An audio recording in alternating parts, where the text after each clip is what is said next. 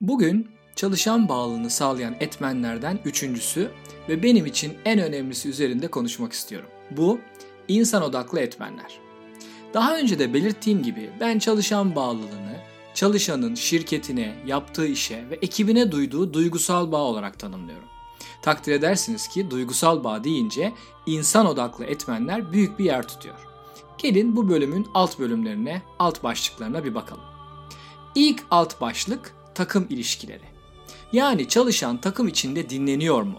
Saygı görüyor mu? Söylediklerinin yargılanacağı, aşağılanacağı veya küçümseneceği endişesi yaşamadan kendini ifade edebiliyor mu? Psikolojik güvenlik terimini duymuş olabilirsiniz. Google'da yapılan bir araştırmada psikolojik güvenlik sağlayan takımların en başarılı takımlar olduğu gösterilmiş.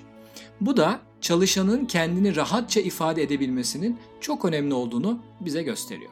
Devamında şu da önemli.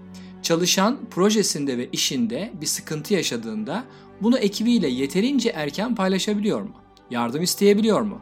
Ekipte herkesin bu şekilde birbirine yardım duygusu gelişmiş mi? Çalışanlar kendi hedeflerinden önce takımın hedefini göz önüne alabiliyorlar mı?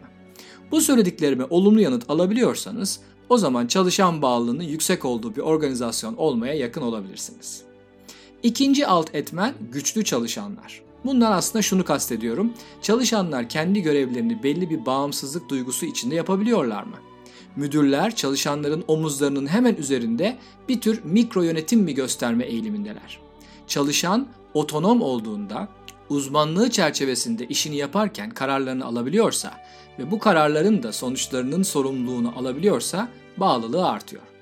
Bu anlamda ekip liderlerinin ekipteki çalışanlara sorumluluk verip sonuçlar üzerinden bir iletişimde bulunmasının çok faydalı olacağını düşünüyorum. Bir başka etmen çalışanın sesini duyurabilmesi. Bu biraz İK süreçlerine bağlı gibi görünse de elektronik veya doğrudan çalışanlar fikirlerini müdürlerine ve üst yönetime iletebiliyorlar mı? Gerek anketler, gerek odak grup çalışmaları, gerekse bireysel başvuru anlamında gerekli yollar açık mı? Bu olduğunda çalışan fikirlerini iletebilme özgürlüğünü hisseder ve çalışan bağlılığı artabilir.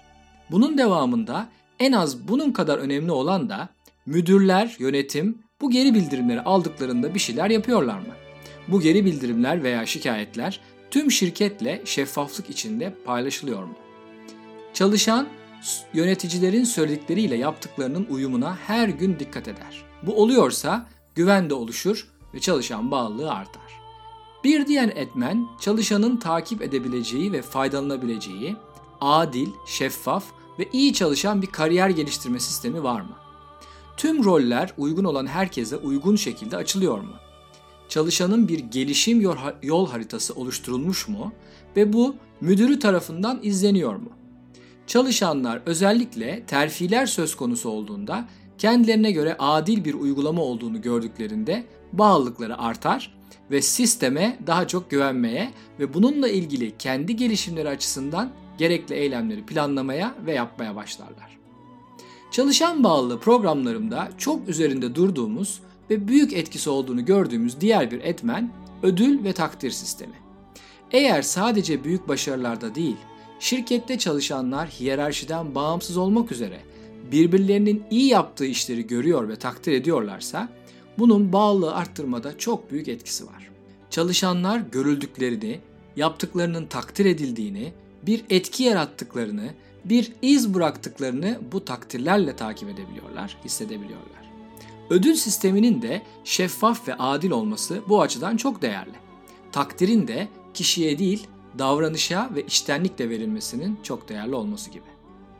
Bu bölümde son etmen de çalışanın esenlik içinde olması. Son dönemde bu konuda çok sayıda hizmet veren firma var ve tüm bu yapılanları destekliyor ve önemsiyorum. Çalışanın kendi sağlığının farkında olması, bununla ilgili çeşitli planlar yapması, daha iyi yeme alışkanlıkları, yoga, nefes terapisi gibi faydalı çalışmalar bu etmen içinde çalışan bağlılığını arttırıcı etki yapıyor. Tüm bunlardan sonra şu soruyla bitirmek isterim. Siz çalışan olarak bağlı mısınız?